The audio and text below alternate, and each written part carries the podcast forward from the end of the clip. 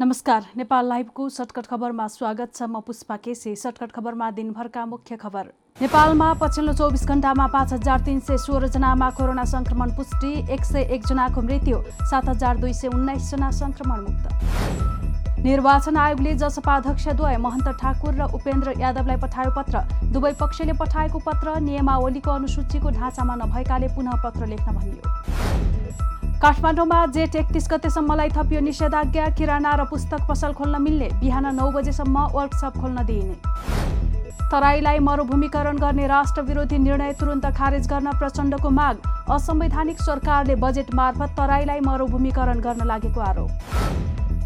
एकता बचाउन भन्दै भइरहेका प्रयासलाई मध्यनजर गर्दै एमाले स्थायी कमिटी बैठक फेरि स्थगित। महासचिव ईश्वर पोखरेल र सचिव योगेश भट्टराई बीच छलफल।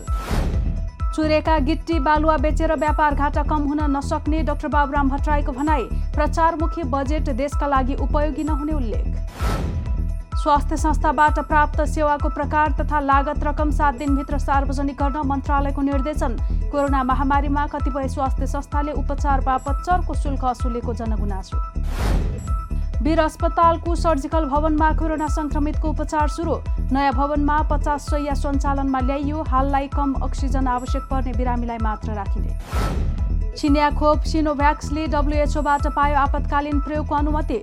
सुरक्षा तथा प्रभावकारिताको हिसाबले अन्तर्राष्ट्रिय मानकहरू पूरा गर्न सिनोभ्याक्स पूर्ण सफल भएको उल्लेख। र युरोकप फुटबलका लागि इङ्ल्यान्डद्वारा छब्बिस सदस्यीय टिमको घोषणा। प्रारम्भिक चरणमा रहेका तेत्तिस खेलाडीबाट युरोकप खेल्ने छब्बिस सदस्य छानिए। नेपाल लाइभको सर्टकट खबरमा दिनभरका मुख्य खबर आजलाई यति नै। नमस्कार।